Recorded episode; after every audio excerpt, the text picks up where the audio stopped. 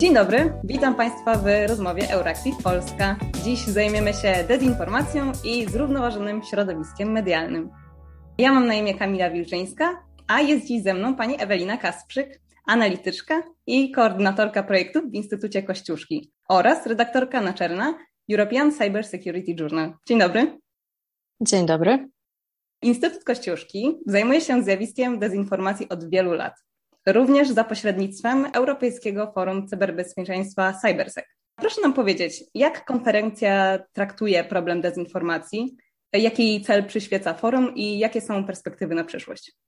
Tak, to prawda. Instytut od wielu lat już zajmuje się zjawiskiem dezinformacji nie tylko podczas konferencji CyberSec, ale również w naszych publikacjach, czy też w serii nowych podcastów General Talks. Natomiast podczas samej konferencji poruszamy ten problem między innymi organizując panele dyskusyjne, oraz warsztaty, tak jak to zrobiliśmy we wrześniu podczas ostatniej edycji, kiedy nasi analitycy Dizinfo zorganizowali warsztaty przeznaczone dla jednostek samorządu terytorialnego, podczas których pokazano samorządom nie tylko jak wygląda fake news, jak rozpoznać takie zjawiska, ale również jak sobie z nimi radzić. Miało to na celu podniesienie świadomości samorządów na to narastające zjawisko, którego łupem i ofiarą coraz częściej padają również jednostki samorządu terytorialnego.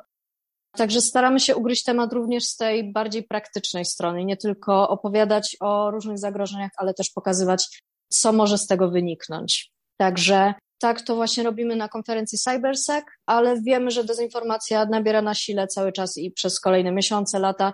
Ten problem będzie ewoluował. To jest po prostu proces, który nie jest od nas za bardzo zależny. Dlatego też Instytut nie rezygnuje z tego i na pewno w najbliższych latach, w najbliższych inicjatywach Instytutu ten problem również będzie poruszany. Czy według Pani portale społecznościowe robią wystarczająco dużo w kwestii zapobiegania i zwalczania dezinformacji? Na pewno platformy starają się robić coś. Pytanie tylko, do jakiego stopnia to coś jest tym, czego oczekujemy i co jest nam potrzebne, bo no, skutki tych działań są oceniane bardzo różnie w zależności od punktu widzenia. Większość platform w zasadzie przechodzi tą samą drogę. Najpierw jest zaprzeczenie, że u nas właściwie nic złego się nie dzieje, następnie jednak przyznanie się do tych niedociągnięć i błędów, co skutkuje później zmianą polityki. Zazwyczaj jest to zmiana polityki dotyczącej regulacji kontentu czy też treści. I podczas pandemii również mogliśmy zaobserwować szereg takich inicjatyw ze strony platform.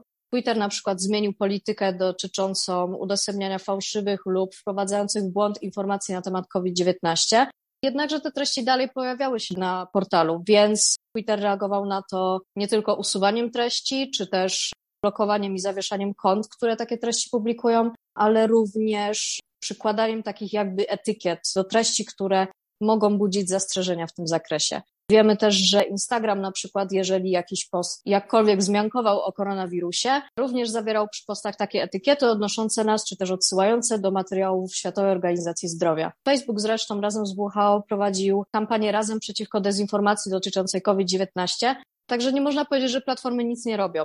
Widzimy jednak, że ta dezinformacja na portalach społecznościowych wciąż ma się bardzo dobrze niestety i przybiera też coraz nowsze formy, więc należy pamiętać, że platformy stoją przed bardzo trudnym zadaniem, bo ta moderacja treści, fact-checking, samoreagowanie w odpowiednim czasie, tak żeby to nie zdążyło się rozprzestrzenić nie wiadomo gdzie, wszystko to wymaga odpowiednich praktyk, mechanizmów, systemów, również kadr, co wymaga czasu. Można się tutaj kłócić, że platformy no, już miały tego czasu dosyć sporo, bo trochę już z nami są i przez już dosyć długi czas są obecne w życiu publicznym, ale jednak ta dezinformacja cały czas ewoluuje i to w dosyć zastraszającym tempie. No właśnie. Biorąc pod uwagę na przykład ostatnie skandale, w które na przykład był uwikłany Facebook, między innymi doniesienia o tym, że na pierwszym miejscu stawia właśnie zyski, przedkładając je na walkę z hejtem i dezinformacją. Czy jest możliwe, że na portale społecznościowe zostanie w przyszłości nałożony obowiązek zwalczania dezinformacji? Obowiązek zawsze można nałożyć. Pytanie tylko, czy będzie on wykonywany, z jaką skutecznością, i w jaki sposób też, bo moderacja kontentu, bo do tego wszystko się sprowadza najczęściej, nie jest czymś takim oczywistym, bo ta granica między wolnością słowa a cenzurą w sieci nie jest na tyle wyrazista. W niektórych przypadkach nawet zaciera się całkowicie.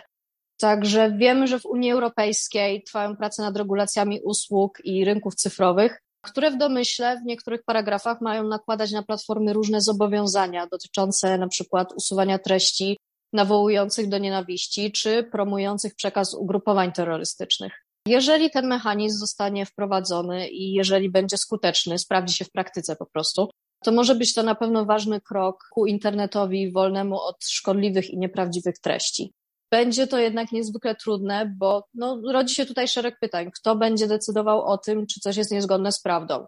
Na jakiej podstawie, również prawnej? W jakim czasie platformy powinny reagować? Czy ustalimy sobie tutaj jakiś deadline na wykonywanie tych wszystkich rzeczy? Czy użytkownicy, których publikacje będą moderowane, mogą się na przykład odwołać? Jeżeli tak, to gdzie? Kto będzie rozpatrywał te sprawy? Także pytań jest bardzo wiele, bo sam problem jest bardzo złożony. I niestety myślę, że będziemy musieli jeszcze poczekać na dobre rozwiązania w tej sprawie. Ale badała Pani rolę mediów społecznościowych też w kształtowaniu krajobrazu politycznego w kontekście wyborów w Stanach Zjednoczonych. Czy ich wpływ na kampanię wyborczą w 2020 roku był równie silny na przykład co w 2016 roku? Tak, powiedziałabym, że obie te kampanie były równie istotne, ale z trochę różnych względów. Media społecznościowe bez wątpienia odgrywają coraz większą rolę w naszym życiu, no bo też każda sprawa, jaką się interesujemy, każdy element naszego życia prędzej czy później trafia na Facebooka, Twittera, Instagrama i tak dalej. I nie inaczej było z polityką. Wiele się mówi o tym w kontekście właśnie kampanii z 2016 roku, która poniekąd była przełomowa, bo wtedy głównie Twitter stał się jednym z ważniejszych pól wyborczej bitwy między kandydatami demokratów i republikanów. Pojawiło się wtedy innymi wiele doniesień o farmach troli działających na zlecenie Kremla, których celem była masowa publikacja treści uderzających Hillary Clinton. Wyszedł również wtedy bardzo głośny skandal Cambridge Analytica, który wywołał dyskusję na temat odpowiedzialności platform, bezpieczeństwa danych, naszej prywatności w sieci, czy też inżynierii społecznej.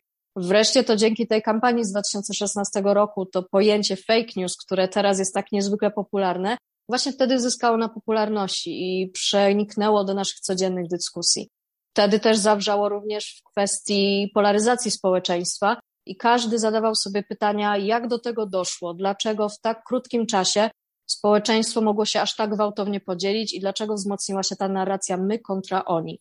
W zeszłorocznych wyborach te media społecznościowe również były pełne politycznego przekazu, zarówno z lewej, jak i z prawej strony, również propagandy. Wielu badaczy wskazuje na to, że polaryzacja na linii demokraci i republikanie, czy też liberałowie i konserwatyści wciąż jest bardzo wysoka i na niektórych portalach nawet rośnie. Jednakże w kontekście tych wyborów z 2020 roku ważniejsze jest to, co wydarzyło się zaraz po nich. I chodzi tutaj konkretnie o wydarzenia z Kapitolu z 6 stycznia. Bo przecież ten zamach, jakby nie było, on się zrodził na mediach społecznościowych, to tam powstała inicjatywa, to tam zaczęto się skrzykiwać, żeby do tego doszło. Także można stwierdzić, że te platformy odgrywają coraz większą rolę i niestety to jest takie bardzo smutne spostrzeżenie, coraz częściej wymyka się to spod kontroli. Zgodnie z tegorocznym raportem Reporterów Bez Granic, stan wolności pracy pogarsza się na całym świecie cały czas. Jaki jest stan świadomości społecznej w kwestii fake newsów? Czy świadomość społeczna związana z ich wszechobecnością zwiększa się i czy nadal będzie przed nami bardzo dużo pracy w tej kwestii? Myślę, że na pewno się zwiększa, bo coraz więcej też o tym mówimy. Coraz częściej do mediów tych mainstreamowych dostają się informacje na temat tego, że gdzieś wyciekł jakiś właśnie fake news, gdzieś coś się pojawiło na mediach społecznościowych, ktoś bardzo ważny dał się na to nabrać i podjął jakąś niezbyt dobrze poinformowaną decyzję, na której cierpią inni. I właśnie w takich wypadkach, gdzie fake news decyduje o naszym życiu, o naszych decyzjach, o tym, jak wygląda nasze społeczeństwo, jak się kształtuje, właśnie w takich wypadkach często te informacje trafiają do mainstreamu, dzięki czemu coraz więcej ludzi może się od nich dowiadywać.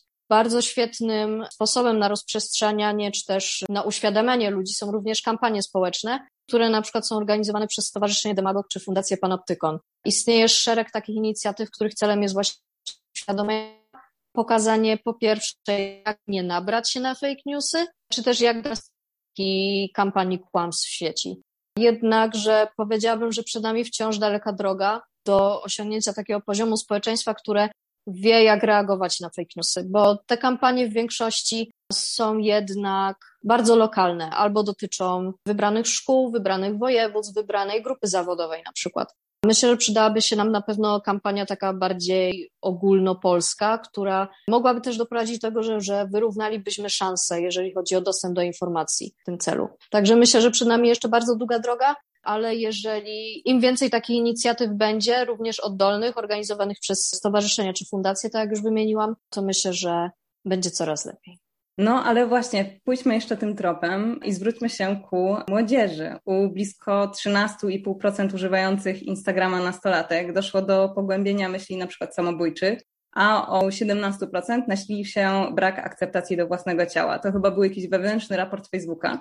Finlandii edukacja medialna uwrażliwiająca uczniów na dezinformacje i fake newsy to jest właściwie chleb powszedni, jest obecna wszędzie i na każdym poziomie nauczania. Czy Pani zdaniem podobnie będzie kiedyś w Polsce? Mam nadzieję. Mam bardzo dużą nadzieję, ponieważ bezpieczeństwo w sieci każdego obywatela tak naprawdę jest niezmiernie istotne dla bezpieczeństwa całego kraju. I tak jak zauważyła Pani, choć wiele badań mówi o tym, że statystycznie to osoby powyżej 65 roku życia są najbardziej narażone na fake newsy, to nie możemy zapominać właśnie o młodzieży, którzy bardzo często dorastają w sieci. Teraz, zwłaszcza w czasie pandemii, kiedy nawet edukacja przyniosła się na zdalne, mówiąc kolokwialnie, to ten internet jest po prostu wszędzie, otacza nas z każdej strony i często te informacje są niekontrolowane. Wielu z nas, również młodzieży, nie posiada jeszcze tych zdolności krytycznej oceny tego, na co napotyka się w sieci. Bardzo ciężko jest im odróżnić kłamstwa od faktów. Dlatego też niezmiernie ważne jest to, żeby coraz więcej wprowadzać takich programów edukacyjnych. Myślę, że to powinno wejść w ogóle do szkoły, nie tylko za pomocą jednorazowych czy też okazjonalnych kampanii społecznych, tylko powinno się to po prostu znaleźć w programie edukacyjnym, bo to jest naprawdę bardzo istotny problem, który jeżeli nie będzie przez nas w jakikolwiek sposób kontrolowany, czy też nie będziemy na niego reagować teraz, póki jeszcze możemy wychować to społeczeństwo na społeczeństwo, które jest świadome tego, z jakimi zagrożeniami się mierzy, korzystając z sieci, to no naprawdę to jest tak jakby ostatni czas teraz na to, żeby podjąć jakieś kroki, żeby nauczyć właśnie młode społeczeństwo, tą młodszą część naszego społeczeństwa, jak sobie radzić w sieci, jak nie paść ofiarą fake newsów, dezinformacji, czy też tych negatywnych treści, które kształtują później ich zachowania na dosyć destrukcyjne, tak by można było powiedzieć, w tych dosyć już ekstremalnych przypadkach. Dobrze. I tym akcentem już zakończymy na dziś. Bardzo dziękuję w imieniu swoim i całej redakcji Euractiv Polska. To była niezwykle interesująca rozmowa. Moją i Państwa gościnią była Ewelina Kasprzyk z Instytutu Kościuszki. Dziękuję. Bardzo dziękuję.